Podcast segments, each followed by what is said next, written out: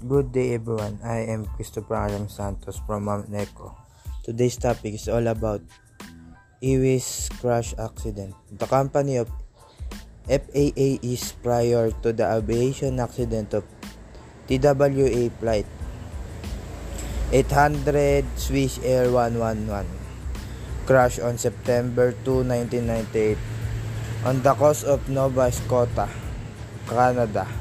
It almost killing all 229 on board, as shown in the case studied about as well as many other well-known incidents.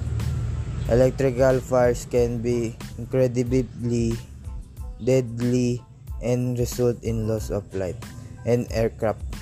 When the aircraft is in takeoff, touchdown, or flight, a fire will always cause irreplaceable damage.